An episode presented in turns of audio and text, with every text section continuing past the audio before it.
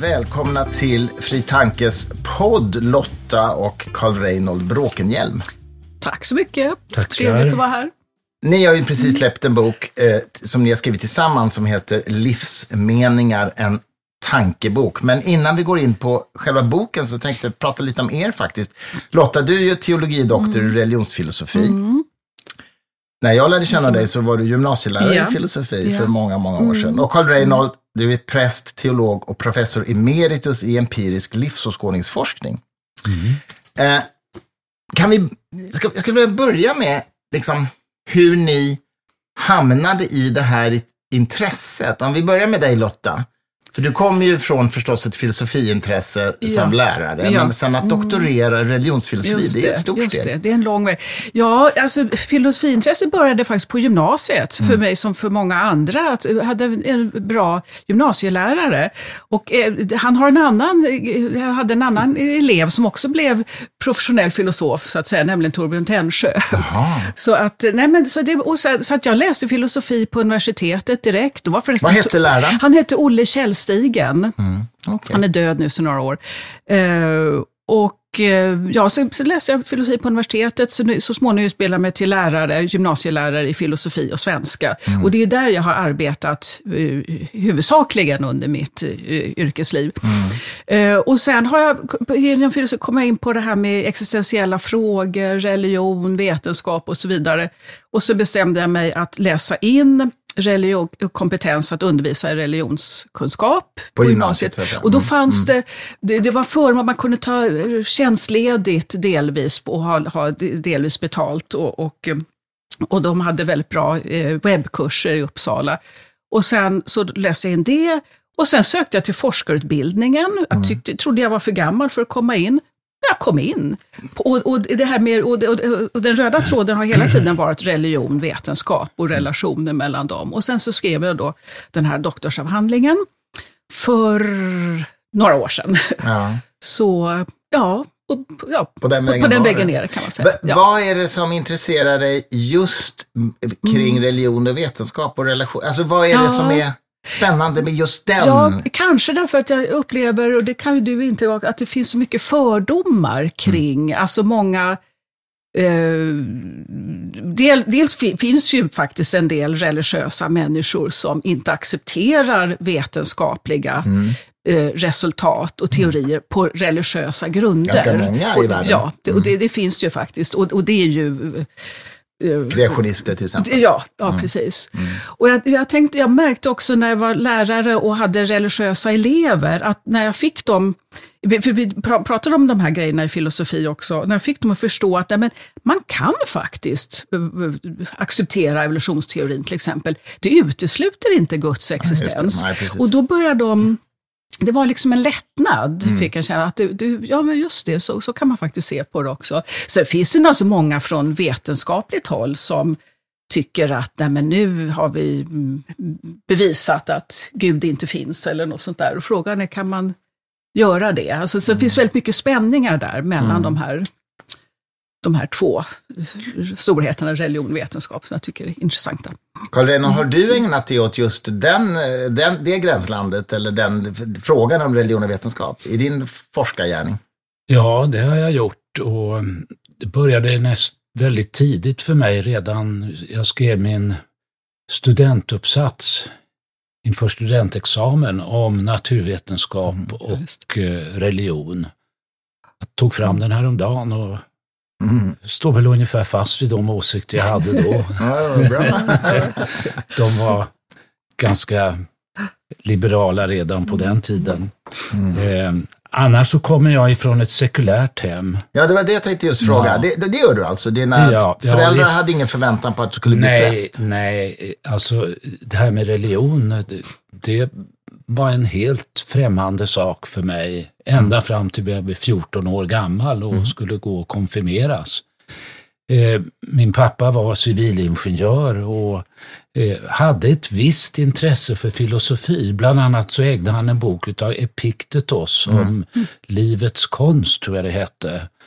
Och den boken, den, den kommer jag ihåg eh, och har återvänt till ett antal gånger. Ja. Eh, Men eh, i och med konfirmationen så vaknade ett slags religiöst, men inte filosofiskt intresse. Det dröjde in, långt in på gymnasiet. När jag, Intressant alltså, att Eh. det att liksom växa av sig. Det påminner ju lite grann om Carola, inga andra jämförelser i övrigt, men hon kom också från ett sekulärt hem Ja. och upptäckte Gud, eller vad man ska säga, på, på egen hand Ja. i den åldern. Ja. Nåväl, vi ska lämna det, men det bara slog mig. Ja, huruvida jag upptäckte Gud i min konfirmation, det kan man ju diskutera. Det var Mm. mera gudstjänsten och riterna som betydde Okej. väldigt mycket för mig.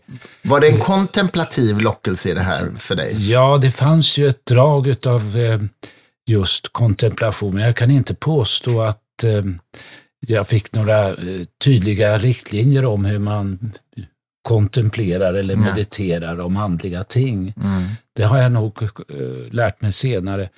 Men just det här med filosofi kom ganska plötsligt under gymnasiet när jag fick Ingmar Hedenius bok Tro och vetande i min hand Mm.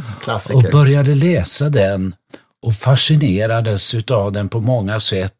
Den innebar naturligtvis en utmaning mot eh, ändå lite mer mognad religiositet som jag hade fått under årens lopp. Och sen eh, bestämde jag mig för att jag skulle läsa teologi i Uppsala. Och Han övertygade dig alltså inte?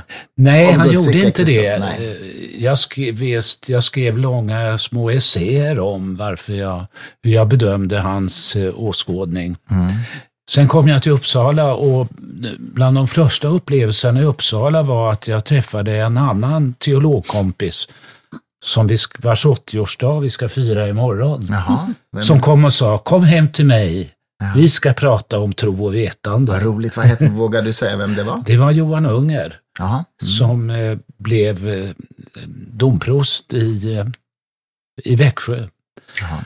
Och där satt vi och pratade och Johan han har en, eh, ett starkt drag av djärvhet och företagsamhet. Så efter några gånger så sa han, nu måste vi bjuda in Ingmar Hedenius och komma hit och prata med oss. Gjorde, gjorde Nej, det? det blev tyvärr inte av. Det var ju, eh, jag vet inte varför, det har jag glömt.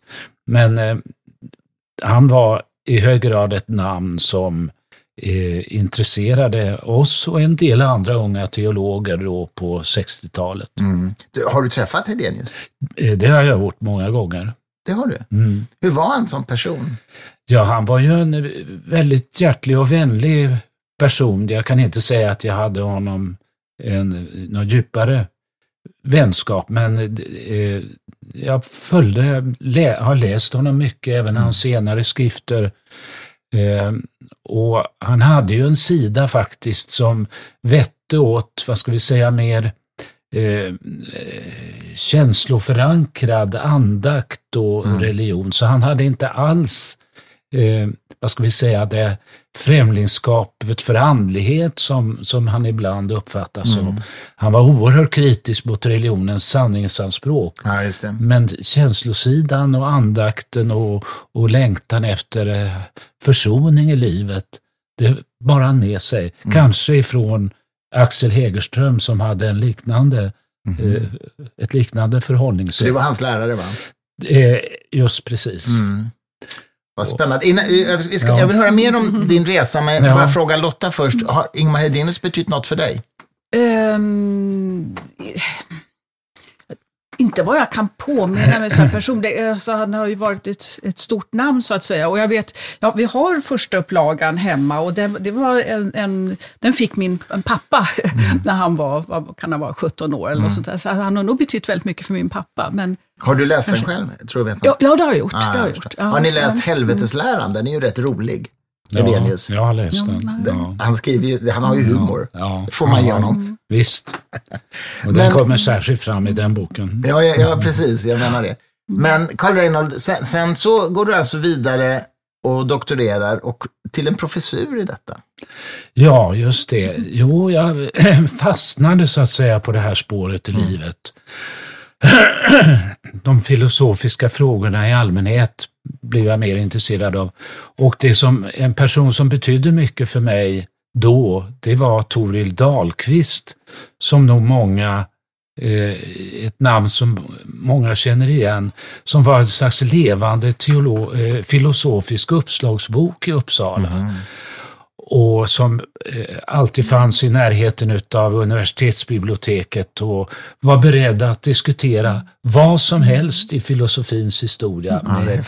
För han vem hade, som ingen, helst. ursäkta, han hade väl ingen akademisk position? Var det inte så? Jo, Att han blev så småningom, eh, eh, fick en akademisk tjänst. Han fick det, ja. Men han var inte professor va? Nej, det var Och han inte inte. disputerad heller? Nej, nej. Så, så här självlärd, Ja. original. Ja, det kan man säga. En Sokrates i Uppsala. Men med högt Just det, det finns en ja, bok om ja, honom. Det finns Just en det. Mm. bok av Lennart Nordenfelt som är väldigt spännande för de som vill. Ja, jag tror jag Studera har den honom. För han hade ju högt anseende bland er. Så, så det var inte någon som ansågs... Nej, visst, han Nej, undervisade oss Ja, teologer. Ja, ja. Vad stod han i religiösa frågor? Vet du det? Nej, han var nog, hans mamma var eh, känd psalmförfattare, så han hade religionen med sig från hemmet, men han var själv inte religiös. Det var han inte? Nej, okej. Men, men sen din professur var ju inte i teologi, eller hur? Utan i empirisk livsåskådningsvetenskap. Ja, inom teologisk fakultet Ah, okej. får man nog tillägga. Jo, det blev så att jag eh, förflyttade mig mot det mera livsåskådningsfrågor i allmänhet Mm. och intresserade mig då för vad tänker människor i allmänhet om, om olika livsfrågor, om vad som är viktigt i livet. Och eh, då ligger det ju närmast till hands att man ägnar sig åt intervjuer och Mm. Eh, Det gjorde jag och den som i hög grad var föregångare på det här området, det var Anders Geffner Ja. som eh, drog in mig på det här fältet och, och eh, så småningom så etablerades en professur och, som jag sökte och också fick. ja, just Och det. det var, då var det 1990. Men dessförinnan hade du alltså utbildat dig till präst också? Ja, jag hade gått eh, den vägen. Eh, jag prästvigdes 1969 Mm. och eh, har inte varit så aktiv församlingspräst. Nej. Tre månader. Ja, det var inte så mycket att skryta med. nej, nej, jag har inte så stor pastoral erfarenhet. Men däremot så händer det att jag döper och viger och, Det gör du? och jordfäster dem som Mm. gör det i vänkretsen inte minst. Ja, men du predikar också Jo, i jag Djursholms predikar. kapell. Ja, Ofta. precis. Du är väldigt Ja. uppskattad predikant. Ja, det, I, det alltså, I jag inte. kyrkan på en söndag, eller vadå? Ja, två, tre gånger per termin. Mhm. Intressant. Ja. Du får säga till nästa gång, måste jag få komma och lyssna. Ja, det måste jag göra. Men, eh, men, men alltså, vad var skälet då till att du inte arbetade som präst mer än tre månader? Nej, jag blev så fången utav eh, universitetet och, och eh, akademin och, och mitt, eh, jag hade redan var på gång att definiera mitt avhandlingsämne. Då, på den tiden var man mycket upptagen av den engelska religionsfilosofin och det, det satsade jag också på i min avhandling. Mm. Engelsk religionsfilosofi? Ja, Och, och, och vad karaktäriserar den menar du? Ja, den var öppen mot den här analytiska filosofin Mm. som var tongivande i, på filosofen i Uppsala, där jag också läste under en period eh, och lärde känna Konrad Mark Våga som Ja, det också finns en bok om förresten, ja det det eh, som eh, inte hade så mycket att säga om religion, men, men som var oerhört kunnig när det gäller eh, teoretiska frågor. Stötte du på Foucault någon gång? Jag vet att han fanns där, men det var nog före min tid. Mm, okej. Jag vet inte. Han lär ha åkt runt i sin röda sportbil i Uppsala. Ja, Har jag hört. det, det lär stämma. Det är inte bara en myt. Ja. men, men engelsk filosofi, vi- vilka filosofer från England var liksom de tongivande då i det här? Ja, det var... Eh, en hette John Hick som har skrivit många intressanta böcker just på gränsområdet mellan filosofi och, och religion. Eh, och sen en annan mycket, mycket välkänd eh, religionskritiker var Anthony Flew som eh, eh, inspirerade mycket av den filosofiska diskussionen som fanns i början på 60-talet. Ja, just. Precis. Ja, jag tror jag har någon bok av honom. Ja, eh, Okej, så- men skulle du säga att Uppsalas teolog, teologiska institution är mer åt det här hållet än i Lund till exempel? ja, och det har alltid varit en, en eh, diskussion, ett meningsutbyte mellan Uppsala och Lund. För den lundensiska eh, teologin uppskattar inte alltid den typ av analytiskt inspirerad Mm. religionsfilosofi som vi hade i Uppsala. Och den som inte minst har diskuterat och, och, och polemiserat mot Uppsala heter eh, Gustav Wingren Mm. som eh, Hedenius i många sammanhang har varit mycket kritisk till. Mm. Så att eh, där har det funnits en lång debatt genom åren som Mm. aldrig verkar riktigt avstanna. Skulle, skulle du säga att teologin i Lu- i Lund så att säga är mer kristet färgad medan Uppsala är mer teoretisk och se- se- sekulär? Kan man säga så? Ja, jag vet inte. Jag är inte helt säker på att lundensarna själva skulle Gå med på det, nej, gå med på det. Eh, Men, men jag skulle nog säga att gränslinjen mellan religion och teologi, mellan religiös tro och vetenskapligt studium utav religionen, eh, inte var lika viktig för lundensarna som den har varit i Ja, Uppsala. jag förstår. Något som jag lade märke till, jag läste ju då som sagt i Uppsala, att m- det, det är ju många eh, troende som söker sig till teologistudier. Och jag, jag fick en känsla av att de som eh, de, många som kunde säga så här, ja, men jag, jag har min kristna tro. Och de, de, många klarade inte riktigt att ifrågasätta det, som man tvingas göra när man läser teologi i Uppsala faktiskt. Okej. Så att de, de slutade. Och, och, och, ja, ja, ja, det är mitt intryck i alla fall. Att det är, för att där blir man utsatt faktiskt för en väldigt kritisk granskning, att man liksom måste ha argument. Och det kanske är lite grann skuggan av Hedén, eller traditionen från Hedenius som lever kvar, på, enbart positivt alltså. Men Carl Reinhold, du, du betraktar dig som kristen idag Ja, och har varit det liksom ja, hela tiden. ja. Och hur, Lotta, hur definierar du din, vad kallar du dig liksom? Ja, jag brukar säga att jag är icke-troende eller agnostiker. Mm. Det beror lite på sammanhang. Ibland kan jag säga att jag är ateist. Det beror lite på om, jag, liksom, om man är i ett Mm. sammanhang där, man, där jag vill vara lite provokativ, så att säga. Men ska jag vara, Är vara det provokativt att säga att man är ateist? Mm. intellektuellt hederlig, då, skulle jag, då, då, då betraktar jag mig som agnostiker, men åt det icke-troende hållet, så att säga. Okej, agnostiker lutandes åt ateism, Ja, låter det som. ja. Ah, okej. Eh, spännande. Och nu har ni alltså skrivit en bok tillsammans. Det är, ju, det är ju lite kul, inte minst av det perspektivet, att ni faktiskt kommer från då olika livsåskådningsperspektiv. Så har ni skrivit en bok om, om meningsskapande och meningen med livet och hur, det, alltså hur man ser på det i relation till livsåskådningar. Är det, en, är det en korrekt beskrivning av den här boken? ja, det är en helt korrekt beskrivning. Vad, eh, vad föranledde att ni, varför vill ni skriva den här boken? Ja, jag tror det, det, fanns nog många anledningar, men en var att eh, någon gång för eh, sju, åtta år sedan så eh, blev jag indragen i en annan bok om livets mening som eh, en go- god vän, forskare på Ersta högskola, eh, tog initiativ till. Han hette Erik Blännberger, gick bort hastigt eh, under det här projektets gång och det övertogs av Thomas Brytting och han drog in mig och eh, Susanne Brytting och några till. Eh, Förlåt, vad- nu sa jag Susanne fel.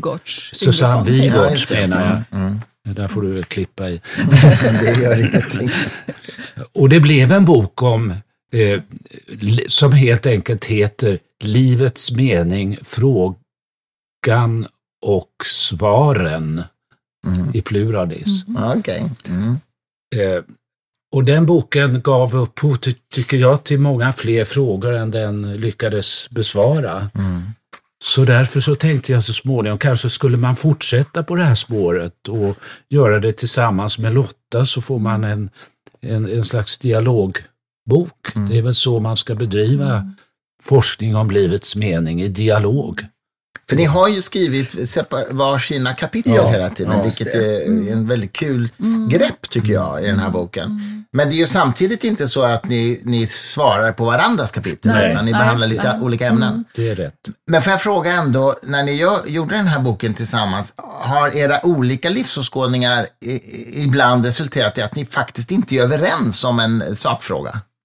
Eller är ni helt överens, alltså i, i övrigt? Ja, jag tror nog att vi är ganska... eh, Alltså vi, vi närmar mot slutet av boken så närmar vi oss lite mer personliga ställningstaganden. Så, och, och, och de pe- pekar ju åt lite olika håll, vilket det. har framgått här av samtalet. Men jag kan inte komma på att vi, att vi inte direkt har varit överens om något. Det är den fria viljan kanske. Ja, fria vill. Ja, nej men den fastnar man, nej men den, den fördjupar vi oss inte i, för det är Nej. ju träsk. Ja, men, och, och vi, vi brukar inte komma så långt i våra diskussioner. Det, det gör man sällan när man pratar om den fria viljan. Jag har en viss... uppfattning. Eh, framförallt är ju det, det är ju en sån där fråga där man liksom, eh, vad ska man säga, där det, det finns så lite evidens egentligen för, vil, Ja, för vilken ja. position man än väljer att inta. Så att det blir nästan ett slags metafysiskt grundantagande Ja, ja, utav det. ja. Sen kanske man någon gång kan tänka sig att vetenskapen kan ge några svar eller indikationer, men vi är ju inte där än. De har ju haft ett jättestort forskning, flerårigt forskningsprojekt på Sigtunastiftelsen. Jag vet inte vad de har kommit fram till faktiskt. Nej, men vi, vi har ju gett ut den boken som Ja, det Ja, eh, Ja, som det. kom ur det projektet.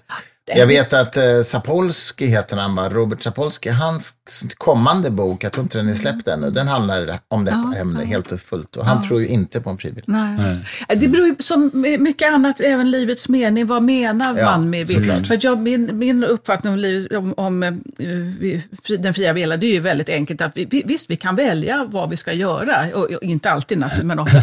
Men vi kan inte välja vad vi ska vilja. Nej, nej. Och sen, sen kommer inte jag så mycket längre. Men, Mm.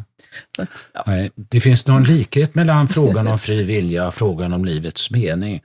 Båda frågorna är oklara. Mm, exakt. Alltså, det, men de känns samtidigt angelägna. Mm, mm. Och just den där spänningen mellan det oklara och det angelägna, det tror jag det håller en gående ganska länge Mm. Ja, i det är sitt sant. intresse. Det är sant.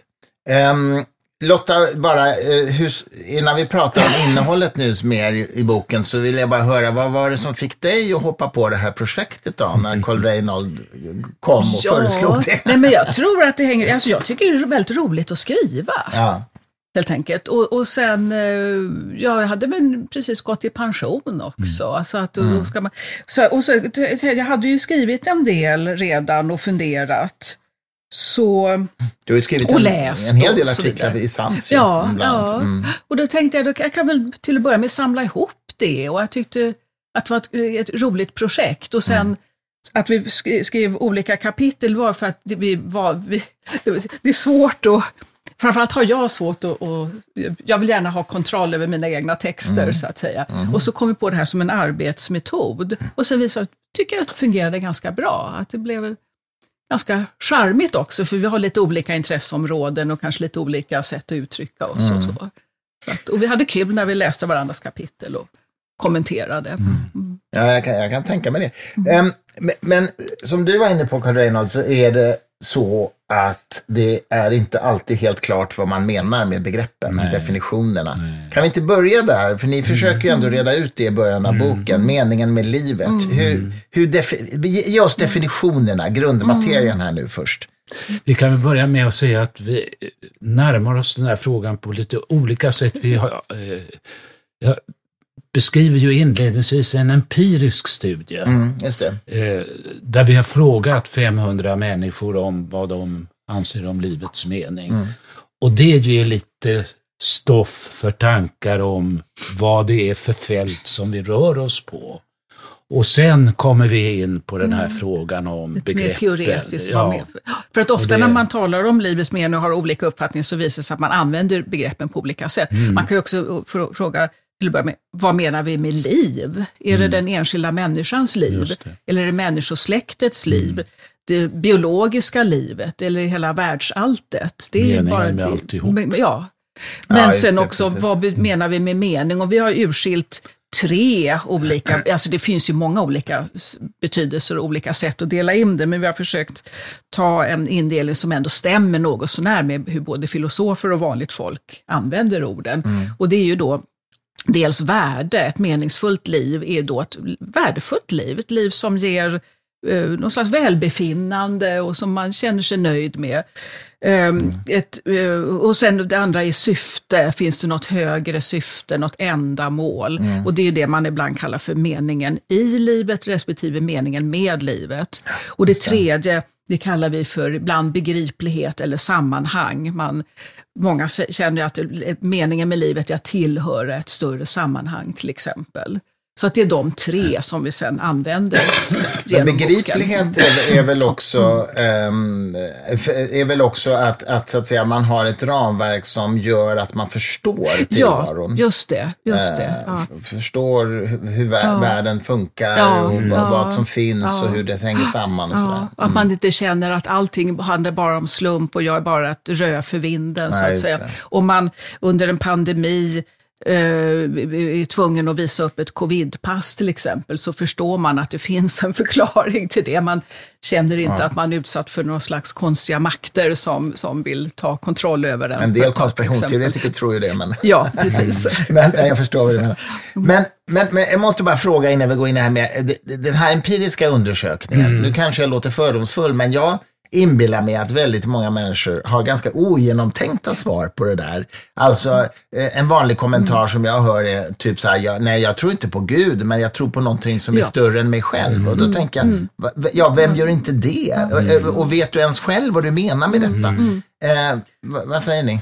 Jo, de, de, de, svar som vi möter här är nog ofta eh, om jag tycker så här, människor kommer med ganska allmänna eh, svar som de inte tycker är så problematiska. De, mm. eh, man kan svara, ja, jag ser ingen mening med livet kan någon säga för att jag är så gammal. Mm. Eller man kan säga, ja, meningen för mig det är Eh, en fisk och eh, en, en sjö och ett metspö. Ja, ja, ja just, det, just det. Ja, en fisk sa jag, inte en båt sa jag, men ändå. Men det, det, måste ju vara helt okej okay att säga, jo, för absolut, frågan men, är ju ganska vagt jo, men ställd, min poäng att, är att mm. när man kommer med de här väldigt speciella svaren, en kurs i biodling är till exempel mm. ett svar så eh, tänker människor sällan på att det här är ju väldigt allmänna och uh, egentligen lite underliga svar. Ja. Eh, eh, för egentligen måste, behovet... en kurs i biodling måste ju egentligen betyda att jag tycker det är kul att gå på en sån mm. kurs. Ja. Och därför har jag roligt då. Mm. Men de använder ändå ordet mening om mm. en sån sak. Mm. och det kan tilläggas att många gånger svarar människor med någonting specifikt i livet. Ja, just det. Eh, andra vill ändå forma ett svar om hur livet överhuvudtaget, i vilken, vilken mening som livet överhuvudtaget har, mm. som helhet. Alltså. Men när människor säger så här, jag tror inte på Gud, men jag tror på något som är större mm. än mig själv. Mm. Eh, va, vad tror du de menar då? För jag tänker, nästan allt är ju större än en själv. Så att säga. Ja. Så att det är ju en, ganska, det är en självklarhet. Det blir ju som en slags truism nästan. En, ganska banal truism, tycker jag i alla fall. Jo, och det beror väl på sammanhanget. Mm. Uh, ibland avlyssnar jag någonting som liknar att, ja, uh, som Stig Dagermans dikt, det finns något bortom bergen. Mm. Bortom är inte det Dan Andersson? Dan Andersson. det är lugnt, man får säga fel i den här podden. Det är tillåtet. Dan Andersson är ju... Ja. ja, alltså man talar om någonting som vi inom teologi och filosofi kallar om transcendensen, ja. alltså mm. det som bortom det sinnliga, det materiella. Mm. Mm. Men ibland säger människor och talar om någonting högre som bara är någonting som ligger bortom det vardagliga, så att säga. Ja. Och inte alls har någon metafysisk innebörd. Mm. Och däremellan så spänner det eh, mm. eh, i människors uppfattningar och hur man ska tolka det. Mm. mm. Men för mig som livsåskådningsforskare så signalerar detta ändå en intressant öppning mot andra frågor som man kan ställa till människor. Mm. Eh, jag, jag skulle inte vilja säga, jag skulle inte vilja utgå ifrån att det är ytligt. Nej, jag, jag förstår. Vad tänker du Lotta om den här typen av svar?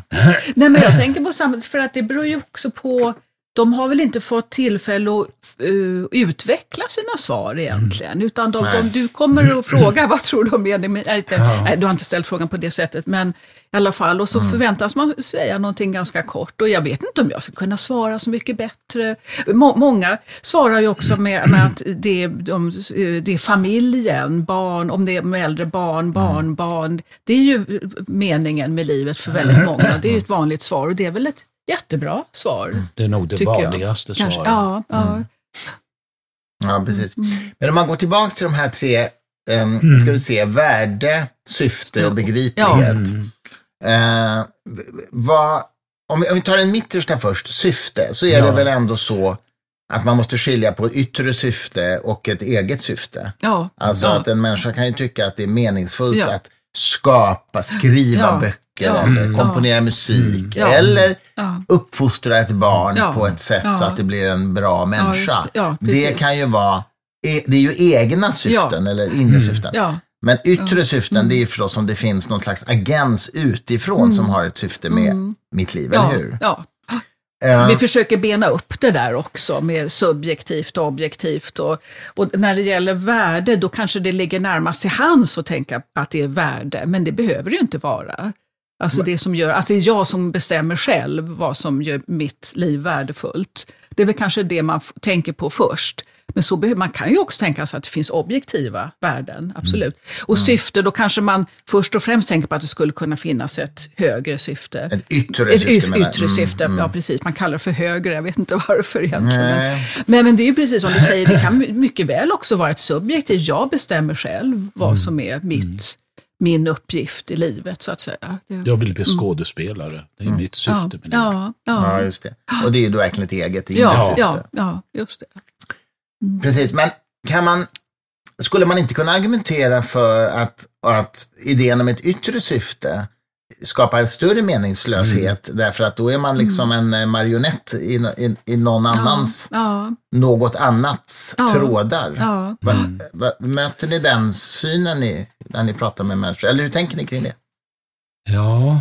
ja vi har ju ett kapitel om det och det vanliga är väl att man egentligen tycker att mitt liv blir värdefullt därför att det finns ett till exempel Gud har ett syfte med mm. mitt liv. Det tror jag är den vanliga uppfattningen. Mm. Bland religiösa i alla fall.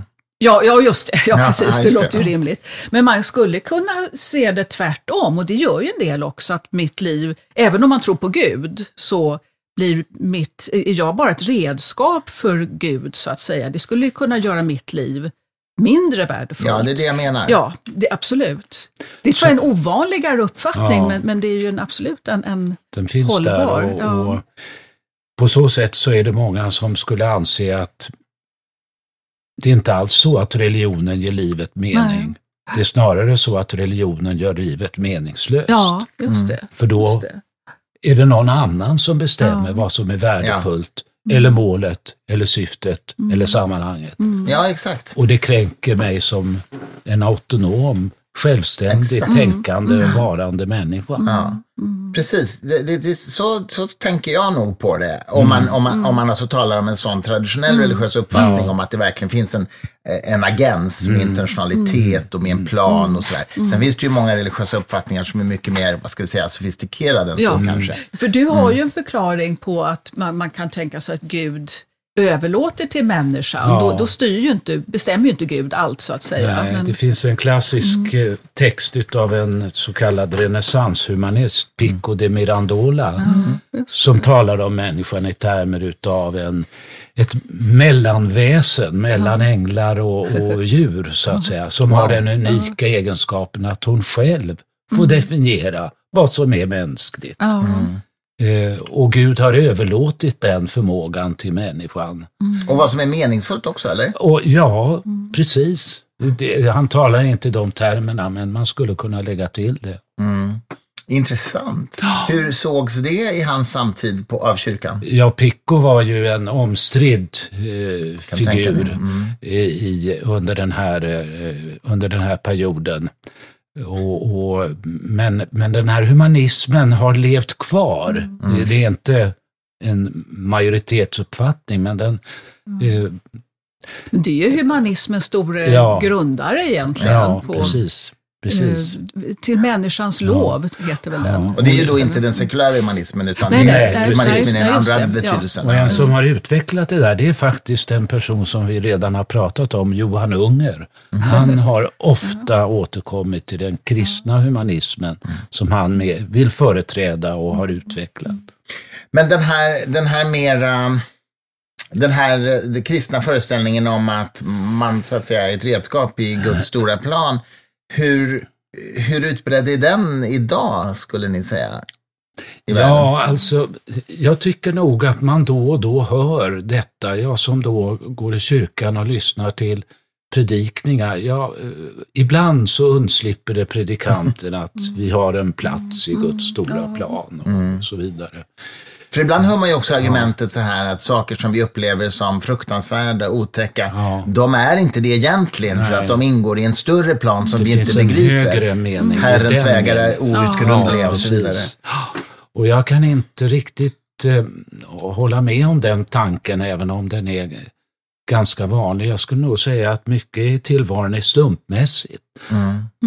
Och slumpen spelar sin roll i skapelsen, en, kanske en större roll än vad man är, har tänkt sig i klassisk kristendom. Jag tror inte ens att den här jordens uppkomst var, så att säga, Gud, något Guds ändamål, utan den Det tror du inte? har, nej, jag tror att den har uppkommit till stor del utav en slump och det faktum att vi människor nu finns, det har ju sitt samband med den där stora meteoren som damp ner utanför Mexikos kust. För 66 miljoner år sedan. 66 miljoner år sedan om man ska vara ny, noggrann.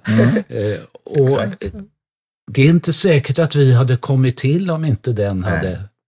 Alltså det där är väldigt fascinerande. Ja. Därför att det, den kunde missat jorden lika gärna. Ja, Eh, och det är dessutom, jag hörde någonting om det alldeles nyligen, att hade den dampit ner någon annanstans på jorden så hade inte lika mycket materia slungats upp i, i, i atmosfären. ja. Eh, och som sen ju brann och föll Ja, ner. Och så här. Hade den dumpit ner i, i havet till exempel så hade den inte utrotat dinosaurierna. Det, Intressant. det är ganska, alltså det är otroligt sl- slumpmässigt. Och då hade de levt idag. Ja. Och inte vi. Nej. Och det hade inte sett ut så här när jag tittar ut genom fönstret över Lidingö. Nej, det kan man lugnt säga. Det kan man lugnt säga. Men, men, men, men okej, men det här är så intressant. Du säger detta och du definierar dig ändå som kristen och, Ja. Mm. och du är präst. Alltså, had, så Gud hade, Gud hade ingen plan med att människan skulle komma till då? Nej, däremot så skulle jag kanske vilja säga att Gud hade en plan att det skulle uppkomma liv i universum och medvetet liv som är, men att just det skulle bli i det här solsystemet på det här viset. Det tror jag inte hörde till själva planen. Gud hade ingen detaljritning för kosmos, Nej. men han hade en eh, Intressant. idé om kosmos. Det hade han. Ett kosmos med liv. Ja, det, det. Sen kanske han skapar lika många andra världar utan något som helst liv. Men det vet jag inte. Nej. beror på vad astronomerna kommer fram Men det, till. här, det låter som att du då inte tror liksom att Jesus dog för våra synder och sådär. Eller? Ja, det är ju ett stort ämne. eh, som jag Jag också tror inte har... vi skriver något om Jesus. Nej, Jag vi skriver ingenting han- om Nej. Jesus. Jag skriver några ord om försoning, men, men inte om Jesus. Nej, vi ska kanske inte gå in på det. Det kan vi göra en annan podd, för det vore Det intressant. kan vi göra. Jag Men det- diskuterar gärna försoningen. Men eh, om vi håller oss till det här med, Ja. med livsmening. Alltså, Ja. Du Lotta, som, som definierar dig som agnostiker, lutandes åt ateism då. V- Hur, hur ser du på meningen med livet då? Hur definierar du det? Nej, men alltså, jag tror ju inte att det finns någon yttre mening eller högre mening. Och jag känner- mig ganska bekväm med det också. Det, det, utan meningen i livet är väl, ja jag svarar som de flesta andra, att man, någon slags välbefinnande, lycka är för starkt ord, men det är ju trevligt att vara Mm. lycklig också. Men någon slags välbefinnande, um, att man känner att man gör meningsfulla saker. Att man, det är jättetrevligt att sitta och titta på deckare på tv, men man gör det kanske inte hela dagarna, utan Mm. man vill göra saker med, med någon slags målsättning. Eller, så att jag, jag har inget speciellt djupt svar på den frågan. Nej. Eh, En sak som jag har funderat på och faktiskt helt ärligt aldrig riktigt begripit, det är de, de människor som har en stark traditionell religiös tro, som tror att det finns en gud som har, som har en egen agens och som har skapat människan och som har en plan och så vidare. Eh, låt, oss anta att det, låt oss anta att det vore så. Varför ska man älska Gud? För det, för det säger ju väldigt många religiösa. Liksom. Och jag förstår, det tycker inte jag följer liksom, ur, ur det faktumet att Gud har gjort oss. Hur Nej, tänker ni? Eller Carl Leijon kanske det är framförallt. nog du som får svara. Ja, Ja. ja. Alltså det, man kan väl bara konstatera att ja, Gud har skapat oss. och Ja, so, so what? Det var, det var ju skickligt Ja, gjort. Men, Bra fråga. Jag har aldrig, ska man älska Gud för att Gud har skapat oss? Att man ska vara tacksam för livet? ja, just det. Är det en det? tacksamhetsskuld det handlar om, Ja. eller vad är det för något?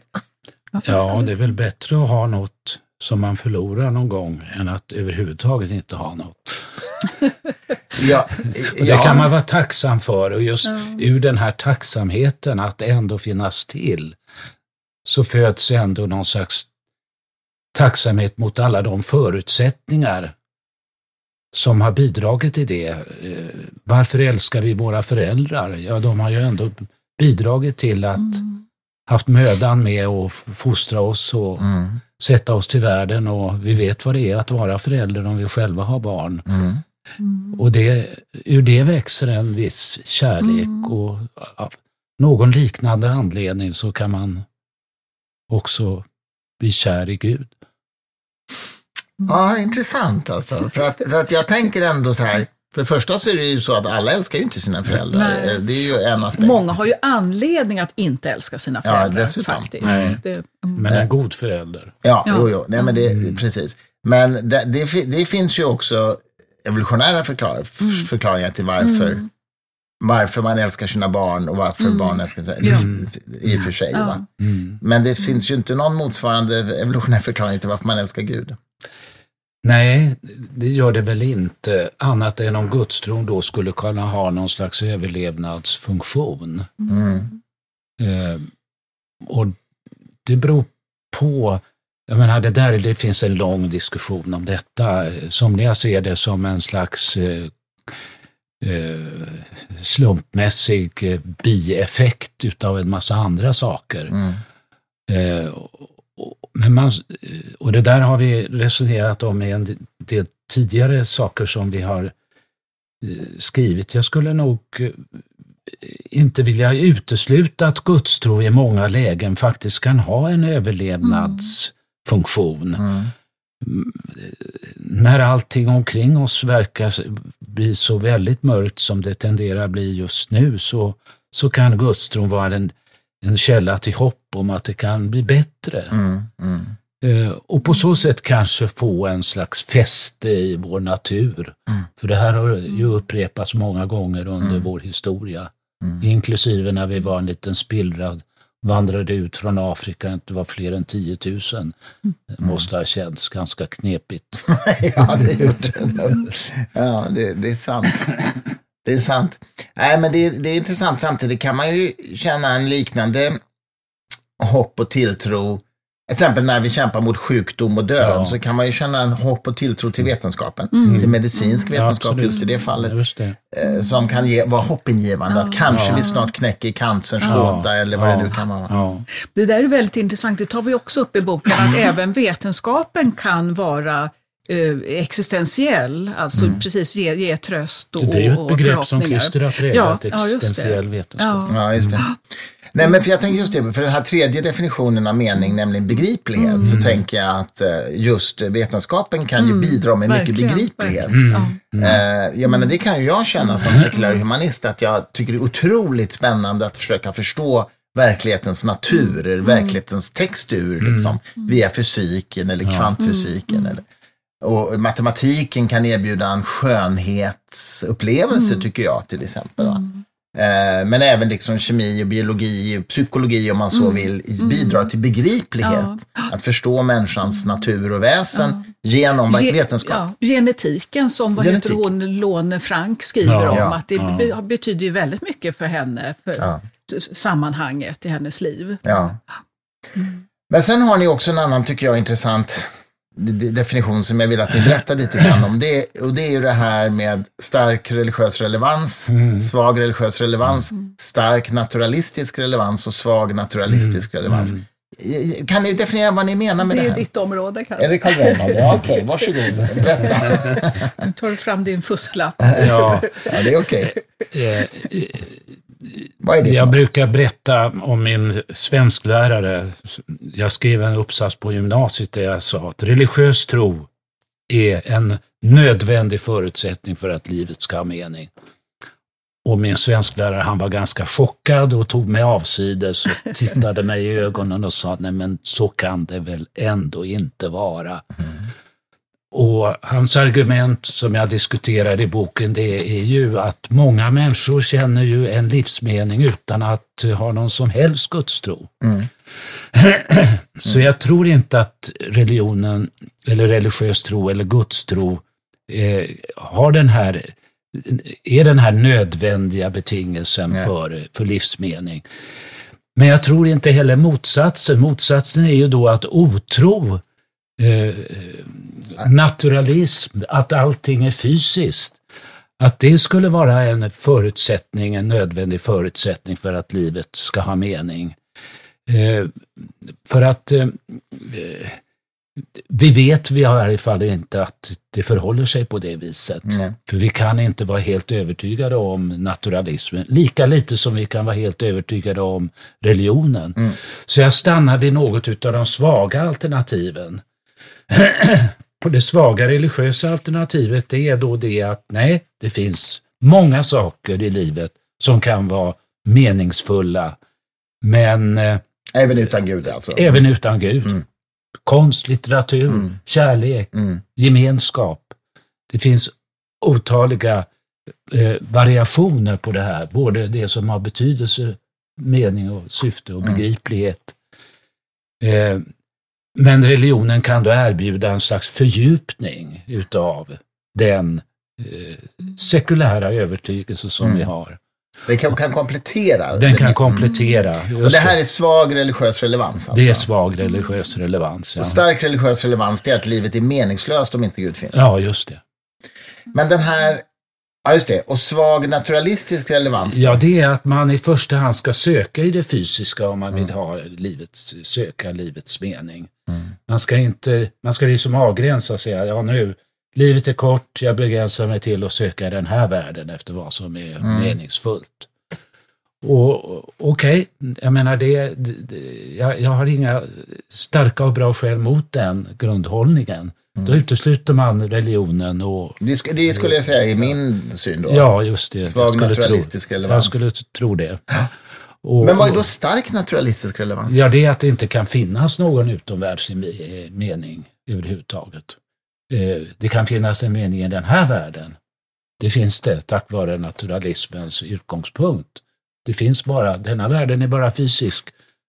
Så att det enda som kan vara meningsfullt kan följaktligen inte heller vara något annat än fysiskt. Men, men jag tror ju inte det. Så att det, det, då är jag ju möjligen, men jag tänker att stark naturalistisk relevans är väl också att, att, att, att, det, att livet skulle vara meningslöst om det fanns en gud, eller? Ja, det är lite... Okej. Det, För det, tänker inte jag. Nej, men, men det är många som säger det och då kommer vi tillbaka till det här att vara... Säger liksom, någon det verkligen? Är du säker på det? Ja, Sartre säger ju det. Aha. Så han säger det att om, om Gud finns så är människan inte fri och då blir människan inte människa.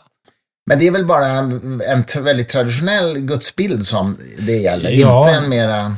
Men. Sartre han, han, han menar att det var det, den, den kristna gudsbilden. Okej, mm, Den faller med, som helhet. mm, Han förstår. övervägde inte några alternativ eller Nej. gick in i det där finliret som vi teologer älskar att göra. Nej. Nej, han var väl ingen finlir kille kanske på det sättet. Men, men eh, eh, Lotta då, säger, vad är du där då? Är du på svag naturalistisk relevans då eller? Eh, ja, det, ja, det måste det börjar ju vara. Jag har, inte- jag har faktiskt inte tänkt så mycket på det. Men, men, men däremot så, så kanske så undrar jag om skulle bli, är man djupare så att säga om man tror på religiös relevans? Du säger att den religionen fördjupar Ja, ja. ens livsåskådning. Ja, det är bra att du uppmärksammar Ja. det, för det, det För där är där ett är sånt vi där kanske inte begrepp som... riktigt överens i så fall. Kompletterar det, absolut. Men, men, eller, Men det kan man ju göra, och det vill jag kanske passa på att tillägga nu, det kan man ju göra med filosofi och metafysik. Ja, Mm.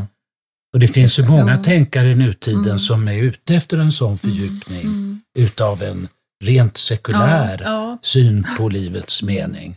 Mm. Till exempel en person, omstridd visserligen och, och, och motsagd, Thomas Nagel, Ja, just det. som just talar om att det finns en slags universum håller på att vak- vakna upp genom vårt medvetande. Ja, just det. Och det finns en slags, eh, eh, vad ska vi kalla det, en slags utveckling mot ett, eh, eh, ja, jag tar det i min mun nu, högre värden. Ja, ja. Och det är ju ett sätt att fördjupa en slags sekulär livsmening utan att ha en gudstro. Ja, om man med fördjupa menar att den är mer reflekterad än, än Ja, oreflekterad. Ja, ja precis. Ja. precis, precis. Men, men, men slutsatserna behöver ju inte vara djupare. Det är väl mer själva processen, att man reflekterar mer. Det kan, Ja, man, ja, just det- kan även jag gå med på att kalla fördjupning. Ja, ja, varsågod. Thomas Nagel är ju intressant på det sättet att han uttrycker, ut, äh, säger uttrycker han vill inte att det ska finnas någon gud. Nej, Eller, annars brukar man ju säga, många tr- tror att religiösa ägnar sig åt önsketänkande, de tror på Gud för att de vill att Gud ska finnas. Mm, just och det. det, det är säkert många som gör också. Men, men här är någon som vi, uttryckligen inte vill. Att, Mm. och jag, tycker, jag, kan, jag, jag är nog ber- beredd att hålla med lite, för det är något väldigt skrämmande. Mm. Där, framförallt det här med något slags liv efter detta, tycker jag är väldigt, en väldigt skrämmande tanke. faktiskt. Men, Det där är intressant. Ja. Jag har ju i många samtal med um, gudstroende personer upplevt att det finns en föreställning hos dem Eftersom de tycker att det är oerhört viktigt i deras liv att Gud finns. Det är, ju det är viktigt för dem, för de som verkligen är riktigt starkt gudstroende, så är det klart att det är viktigt för dem att Gud finns. Och då tror de, felaktigt, att det måste vara lika viktigt för mig att Gud inte finns. Och det är ju en slutsats som inte alls följer. Jag menar, det är inte alls, Nej. jag skulle tycka det var rätt spännande om det fanns en Gud. Liksom. Ja, det är inte viktigt det. för mig att Gud inte Ja. finns, men jag tror att Gud inte finns. Det, men det finns en slags projektion i det, att eftersom Gu- Gud är viktig för mig så måste icke-Gud vara lika viktigt för dig. Ja, just det. Varför vill du inte Exakt, att Gud ska finnas? exakt. Ja, jag, kan tänka.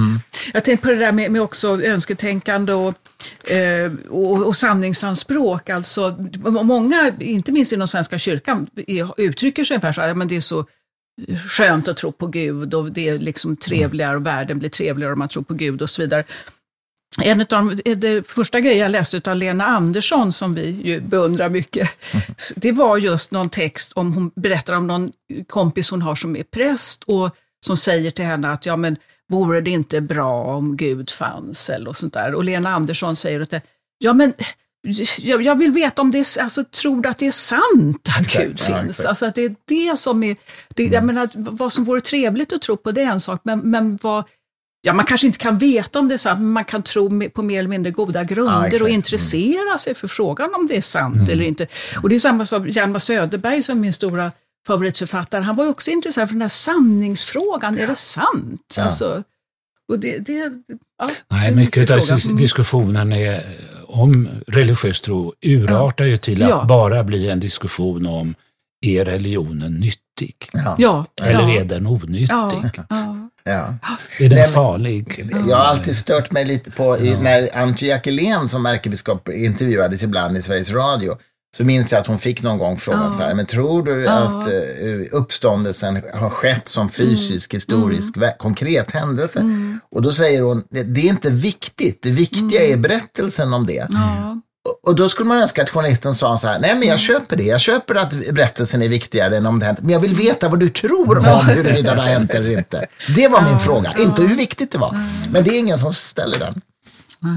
Det finns en, ja, det, det är en annan diskussion, men det finns en, eh, vad ska vi säga, religiös okunnighet bland journalister som gör att de inte kan ställa de skarpa frågorna som de ju gör till politiker.